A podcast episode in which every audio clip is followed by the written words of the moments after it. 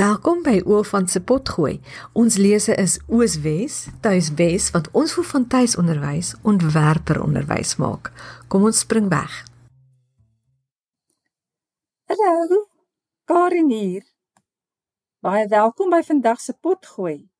Baie dankie dat jy saam luister en Oofant se potgooi ondersteun. Oofant het 'n unieke uitkyk op die lewe.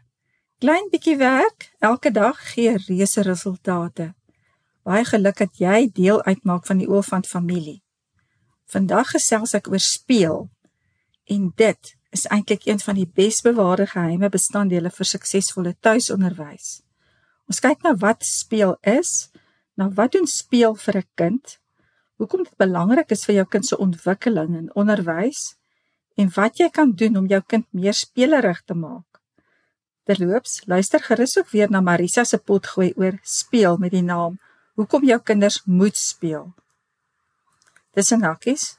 My werk by Oofant is nie deel van my werk by die Pestalozzi Trust nie en is nie regsadvies nie. Nou, om te kan speel is een van die heel belangrikste dinge in 'n kind se lewe. Vir ouers is speel belangrik. Ma's wil graag kan sien dat hulle kinders speel. Baie ma's wat hulle kinders uit die skool haal, sê bekommerd vir my. My kind kry nooit meer tyd om te speel nie. En dit het 'n belangrike punt B daar. Omtrent al die groot geeste in die opvoedkunde en kindersielkunde het ook al iets te sê gehad oor speel. Mense soos Vygotsky, Piaget, Dewey en duisende ander opvoedkundiges na hulle. Vandag is spelterapie dan ook een van die doeltreffende maniere waarop kundiges 'n kind kan help om trauma en sielkundige probleme te verwerk. Een van die groot opvoedkundige geeste in die moderne tyd en wat baie bekend is in die tuiskoolwêreld is Peter Gray. Hy's 'n wêreldberoemde voorstander van kindgerigte leer. En hy is bekend vir sy boek Free to Learn. Sy boek se subtitel is Why Unleashing the Instinct to Play Will Make Our Children Happier, more self-reliant and better students for life. Dis 'n fascinerende boek. Hy vertel daarin van sy eie ervaring met sy seun, van wat hy alles van speel geleer het en hoe hulle as gesin by kindgerigte leer uitgekom het. Ja.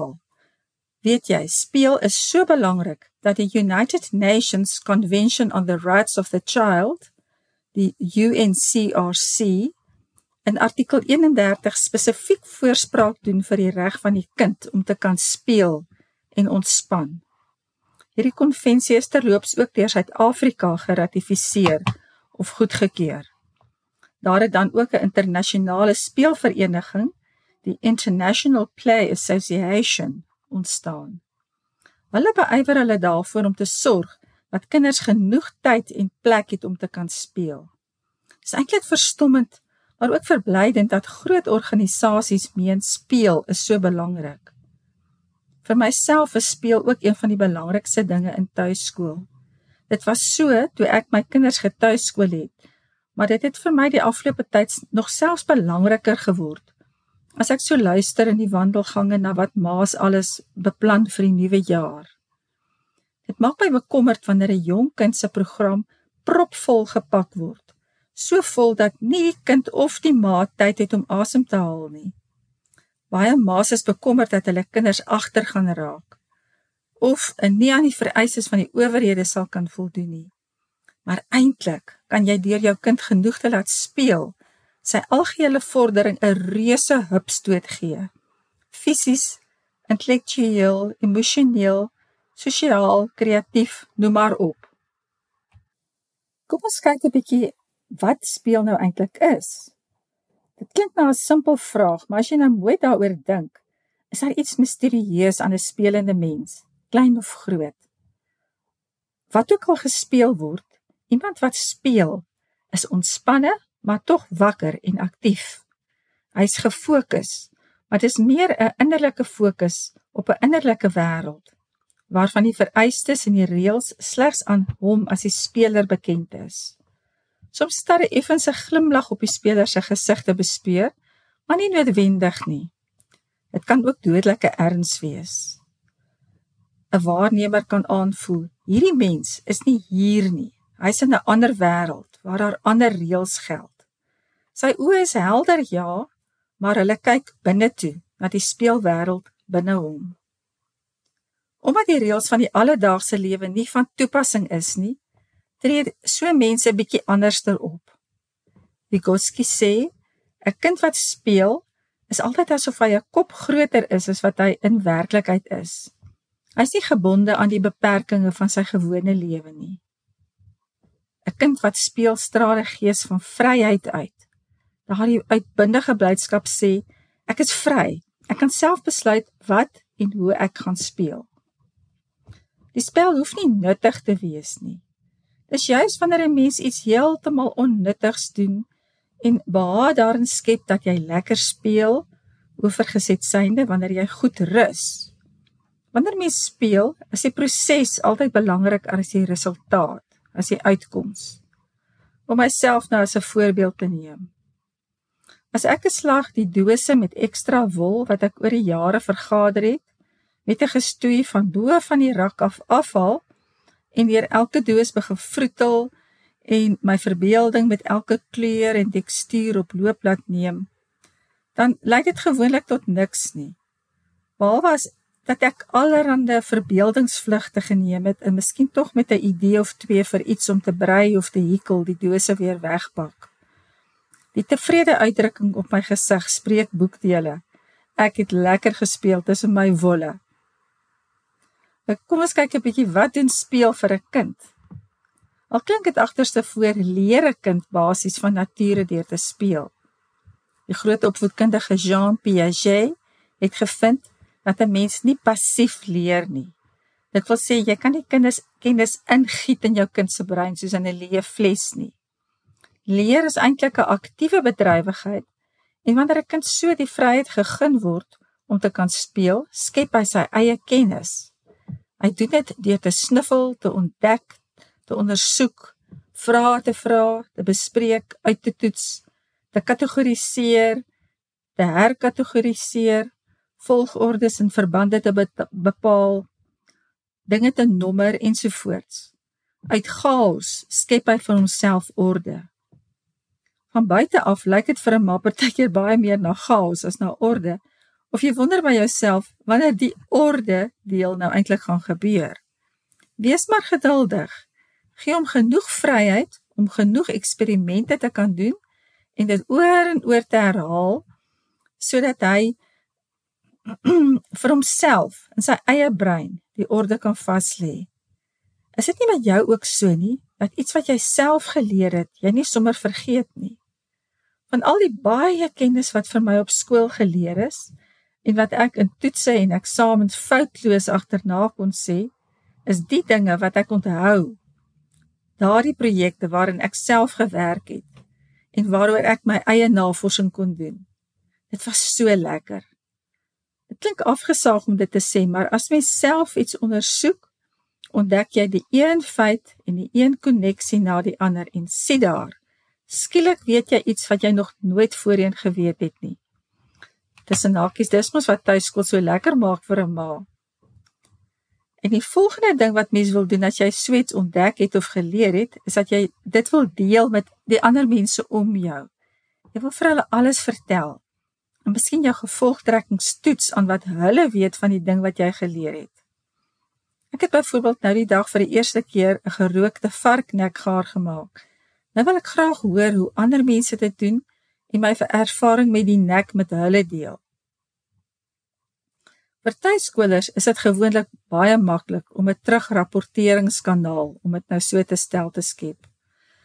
Byvoorbeeld daardie lekker lang geselse aan die etenstafel en na ete.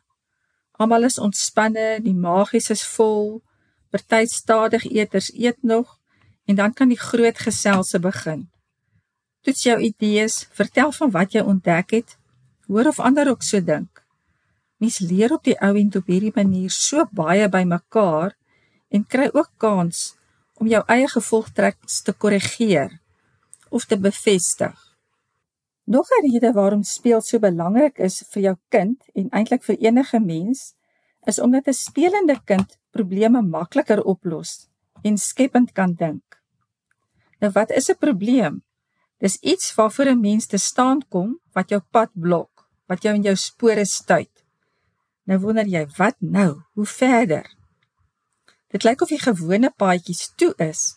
En dis eers as mens die Turks 5 van alle kante begin bekyk dat jy skielik besef daar is moontlik tog 'n oplossing. 'n Kind moet waag moet hê om 'n probleem van ongewone kante af te bekyk. Wanneer 'n kind vry is om te speel, kan hy dit waag om buite sy gewone grense, of dit nou fisies, emosioneel, kreatief of intellektueel is te beweeg. Hy mag maar 'n grens oorsteek en net toets hoe dit aan die ander kant is sonder gevaar. Hy kan altyd weer terugbeweeg. Want as hy speel, is hy op 'n manier veilig in die wêreld van speel.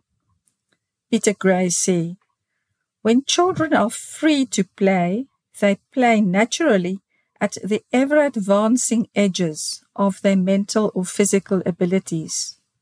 Hulle rek en rek en strek en strek die een na die ander grens van hulle fisiese en geestelike vermoëns oor. Hy doen ook sulke interessante navorsing wat gevind het dat kinders wat speel, wat in daardie spesiale spelerige toestand is, moeilike logiese probleme kan oplos wat hulle normaalweg nie kan doen nie. Met normaalweg bedoel hy dan as die kind dit onder druk moet doen of voel dat hy getoets word of as daar 'n element van kompetisie teenwoordig is. Sodra die ontspannendheid plek maak vir streng toesig en stres en angs, bang dat ek nie die regte antwoord gaan gee nie, bang dat ek gaan misluk of nie gaan presteer nie, spanning omdat ek dink ek gaan nie klaar kry nie, dan is dit of die kind toeslaan. Dit laat mens dink aan die manie oor assessering in ons opvoedingsstelsel. Laat dit 'n kind regtig beter leer as hy meer en meer getoets word? As die omstandighede vir die toetse al hoe strenger gemaak word sodat hy regtig vrees of hy dit gaan maak of nie, ek wonder. 'n Kind wat baie speel is meer kreatief, het navorsers gevind. As sulke kinders voor 'n uitdaging te staan kom, is hulle meer geïnteresseerd in en nuuskierig oor hierdie probleem waarmee hulle gekonfronteer word en pak hulle die oplossing baie meer buigsaam aan as kinders wat nie so baie blootstelling aan speel gehad het nie. Voor ons kom by hoe ek 'n kind kan aanmoedig om meer spelerig te wees, wil ek tog eers gesels oor die verbeeldingsspeletjies. Dit is nou dit wat die geleerdes sosio-dramatiese spel noem. Dit is wanneer 'n kind hom in 'n verbeeldingswêreld in verbeel en elke kind 'n rol kry om te vertolk. Toe my kinders klein was en ons baie die Laura boeke gelees het, Jy weet nou die die huisie um, in die groot bos en die hele reeks Lara boeke. Het daar baie dae en weke omgegaan dat ons Lara gespeel het. Ek was gewoonlik ma en die ander verskillende rolle is onder almal uitgedeel. 'n Ander lekker speletjie wat ek en my boetie en sissies gespeel het toe ek klein was is Klein Piet en Roselyn. In die regte lewe is ek die oudste, die ouses en het ek 'n broer net jonger as ek. Ons het twee jonger sissies gehad. Die speletjie het so gegaan. Die twee kleintjies was groot mense. Hulle was 22 jaar oud en het elkeen 'n kerel met 'n kar gehad. Ek onthou een se kerel se naam was Maserati. Ek en my boetie was die kleintjies. Ons moes op ons hurke loop en babarig praat. Ons moes doen wat die grootes vir ons sê om te doen. Dit was heerlik. In die speletjie het ons kinders die werklikheid heerlik omgekeer. Ek het dit ook gesien nou die dag toe ek saam met my kleindogter Katja, nou 3, speel agter in ons tuin. Toe het ek gesien hoe naatloos ons in die speletjie reëls kan maak en verander. Daar agter in ons tuin staan 'n ou eislike ou kareeboom met so 'n dik dwarstak en dit is Katja se perd. Ons gebruik 'n handdoek vir 'n saal. Terwyl ons nog so ry met Bessie die perd, sê Katja skielik: "Daar stop Bessie nou." Ek vra: "Hoekom?" Sy sê: Sy het 'n engel gesien. Ons gesels toe 'n bietjie oor William en sy donkie en die enkel engel wat voor die donkie verskyn het, soos dit in die Bybel vertel word. Ek verduidelik vir haar die donkie kon nie vorentoe beweeg nie want die paadjie was te nou om verby te kom. Ek kan sien sy dink 'n bietjie oor hierdie probleem.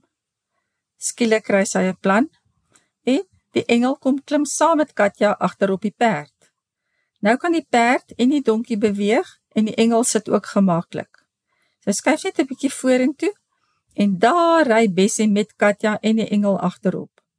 Toe sy later met haar bromponie terugjaag huis toe, het sy weer mooi plek gemaak vir die engel agter op die bromponie.